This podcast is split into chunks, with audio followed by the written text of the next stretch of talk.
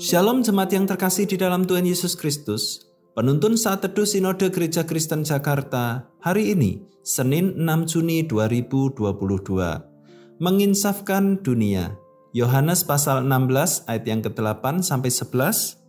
Dan kalau ia datang, ia akan menginsafkan dunia akan dosa, kepada kebenaran dan penghakiman, akan dosa karena mereka tetap tidak percaya kepadaku akan kebenaran karena aku pergi kepada Bapa dan kamu tidak melihat aku lagi. Akan penghakiman karena penguasa dunia ini telah dihukum.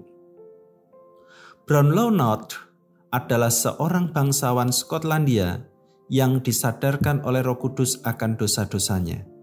Dosa-dosa itu merupakan bahaya yang mengancam jiwanya. Peristiwa itu terjadi saat tiba-tiba ia jatuh sakit dan terbaring di kamarnya. Di pikirannya berkecamuk satu pergumulan yang berat bahwa ia adalah orang berdosa. Ia tertekan oleh kerinduan yang dalam untuk mengakui dosa-dosanya kepada Allah. Ia ingin bertobat dengan sungguh-sungguh. Di sekitar kita banyak orang yang belum percaya dan perlu diinsafkan akan dosa mereka. Insaf menurut Kamus Besar Bahasa Indonesia berarti sadar, yakin benar, sadar akan kekeliruannya, dan akan memperbaiki dirinya. Bagaimana agar manusia bisa insaf? Jawabannya adalah melalui karya Roh Kudus. Kita perlu berdoa memohon pertolongan Roh Kudus untuk menginsafkan mereka.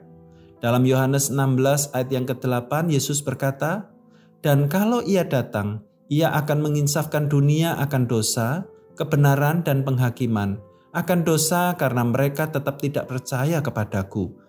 Banyak orang tidak menyadari bahwa segala peristiwa yang terjadi dalam dunia ini mempunyai maksud dan rencana Tuhan untuk kebaikan hidupnya.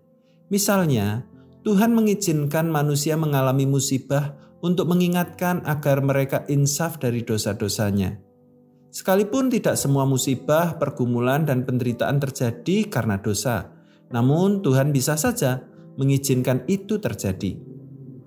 Tuhan bisa memakai apa pun agar manusia insaf dari dosa-dosanya. Ingatlah bahwa Roh Kudus juga pernah bekerja dalam hidup kita.